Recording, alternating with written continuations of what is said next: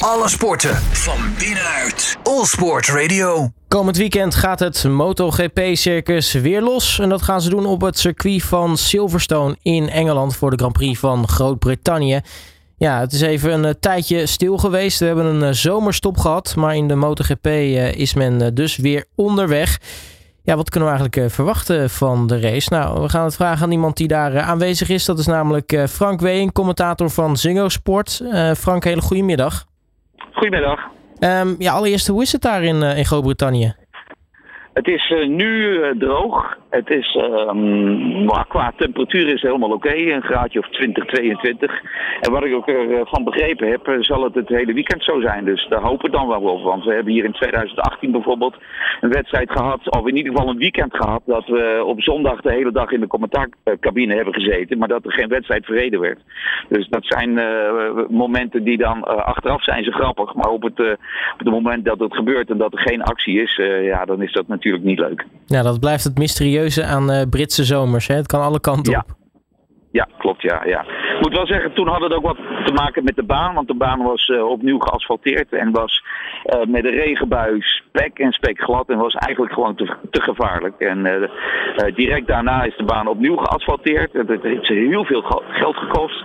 Maar het ziet er nu allemaal een stuk beter uit, gelukkig maar. Hey, voordat we vooruit gaan blikken op uh, de race, er is natuurlijk wel wat, uh, wat nieuws rondom uh, rijders en, en teams. Um, ik denk de, wat er het meest tussen uitspringt is natuurlijk het nieuws rondom Alex Rins. Um, ja. Want ja, Suzuki stopt er natuurlijk mee aan het eind van het seizoen. Dat betekent dat ja. twee coureurs op zoek moeten naar een nieuw team. Rins die had zoiets van, nou, ik wil toch het liefst bij een fabrieksteam blijven. en dat is hem ook gelukt, want hij heeft nu een contract bij Honda. Ja, zijn contract eigenlijk was het al zo tijdens de Dutch TT. Hè. De Dutch TT was de laatste wedstrijd voor de zomerstop. En toen zei hij zelf al wel zo ongeveer dat hij rond was met uh, het team van Lucio Cecchinello, dat is LCR Honda. Die rijden in principe met hetzelfde materiaal als het fabrieksteam van Honda, dus uh, het Repsol Honda team. Um, en uh, ja, wanneer was het? Anderhalve week geleden ongeveer werd het officieel bevestigd. Dat betekent dus dat uh, Alex Rins volgend seizoen en in 2024 op een uh, fabrieks Honda zit.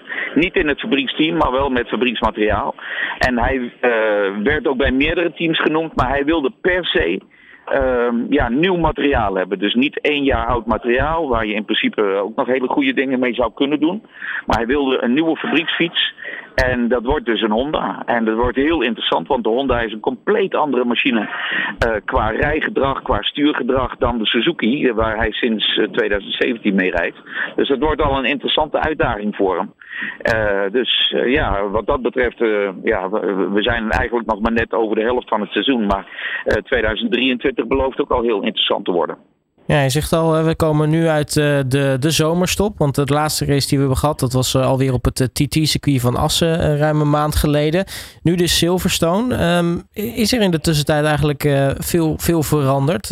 Of, of, valt het eigenlijk wel mee? Is het dan net als de Formule 1 dat uh, eigenlijk in de zomerstop ja, niemand mag werken? Nee, er mag niet getest worden bijvoorbeeld, als je dat bedoelt. Dus in principe is uh, iedereen uh, ja, staat een beetje in dezelfde stand als tijdens de Dutch TT. Maar wat sowieso interessant is, is dat uh, tijdens de Dutch TT de leider in het kampioenschap, Fabio Quartararo, die uh, viel in de wedstrijd in, in Assen. En hij is eigenlijk twee keer te wal gekomen. De eerste keer pakte hij de machine weer op en reed hij eigenlijk tegen zijn grootste belager Aleix Spargaro op. En Spargaro kwam wel naast de baan, maar kon wel zijn wedstrijd vervolgen. Reed een briljante race, werd uiteindelijk nog vierde. Maar um, die uh, moest binnenkomen in de pits. Er werd nog even gekeken van ja, kun je wel verder? Werd weer naar buiten gestuurd. Ging toen weer onderuit. En na de wedstrijd um, kreeg hij tot ieders verbazing een, uh, een straf omdat hij uh, de wedstrijd van Aleix Spargo, uh, uh, nou ja, ik zal niet zeggen verpest had, maar dat het onverantwoorde rijgedrag was geweest ten opzichte van Aleix Spargo, vond de wedstrijdleiding, vond eigenlijk het panel of stewards, de, de mannen die, zeg maar de wijze mannen, waar iedereen nog wel eens vraagtekens bij zet, um, die hadden beslist dat, ja, dat wat hij deed daar, dat dat niet door de beugel kon. En hij heeft hier, voor deze wedstrijd dus, een uh, long lap penalty. Dat betekent dat je bij een van de bochten, daar is een extra bocht als het ware aangelegd. En die dat extra traject moet jij één keer nemen. Dat kost je waarschijnlijk nou, een seconde of drie, drieënhalf.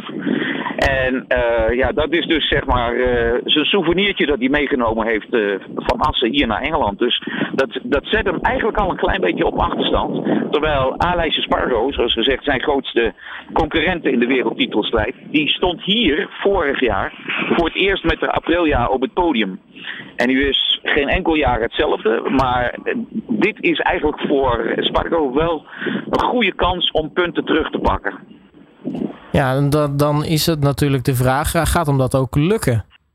Ja, ja, nou ja, op dit moment dat wij bellen is er nog geen meter gereden. Dus uh, het is een beetje lastig voorspellen. Maar we moeten wel zeggen over die uh, Aprilia, van wie bijna iedereen, inclusief ik, tot vorig jaar dacht van jongens, wat doen die lui in het wereldkampioenschap? Wat, wat heeft dit voor zin? Vorig jaar werd het al beter en dit jaar doet Alex Spargo het echt geweldig goed. Wedstrijd gewonnen in uh, Argentinië. Uh, daarna vier podiums op rij. En hij staat gewoon tweede in het kampioenschap. Uh, 21 punten achter uh, Quartararo. En uh, ja, ze hebben een machine die inmiddels overal gewoon werkt. En ze hebben daar, ze rijden maar met twee rijders. Hè. Dat is ook al heel bijzonder.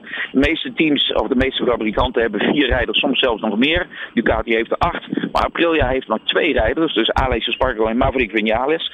En Vinales liet in Assen zien dat hij ook op het podium kan rijden. Dus die Aprilia is inmiddels een hele ja, allround machine geworden. Dus uh, een fiets die het hier in Silverstone ook goed zou moeten kunnen doen. Ja, en dan de, de andere grote uh, titelkandidaten. Je noemde uh, Quartararo al. nou, hij heeft ja. dus nog een, een klein erfenisje.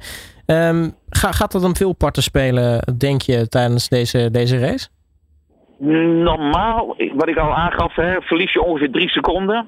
Uh, ja, dat is hier natuurlijk bepaald geen voordeel. Hij won hier vorig jaar wel de wedstrijd. Het is wel een circuit dat hem en ook Yamaha ligt.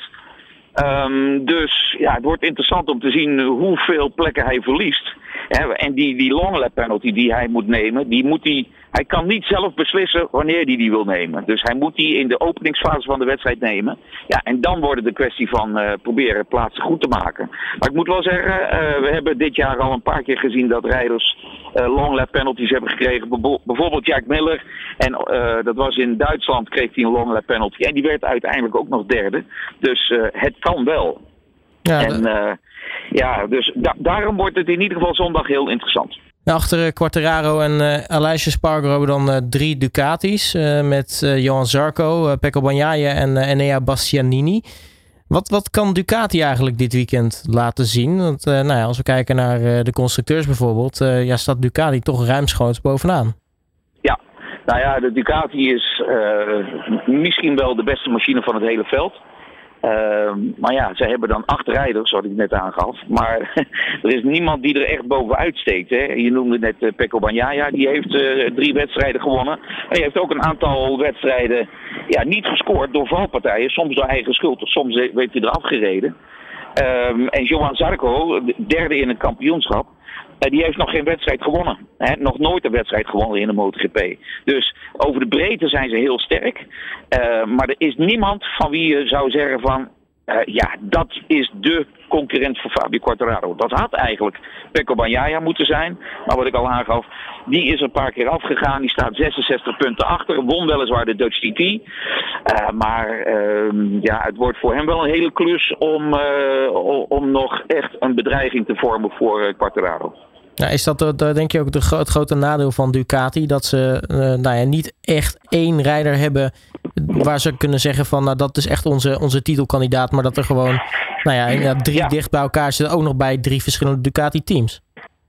Ja, in, in, in, principe heb je gelijk. Alleen uh, de, de mastermind achter Ducati, uh, Gigi Dall'Igna, zeg maar de constructeur, de, de bouwer van de machine, die zegt: Voor ons is het belangrijk om van zoveel mogelijk rijders informatie te hebben.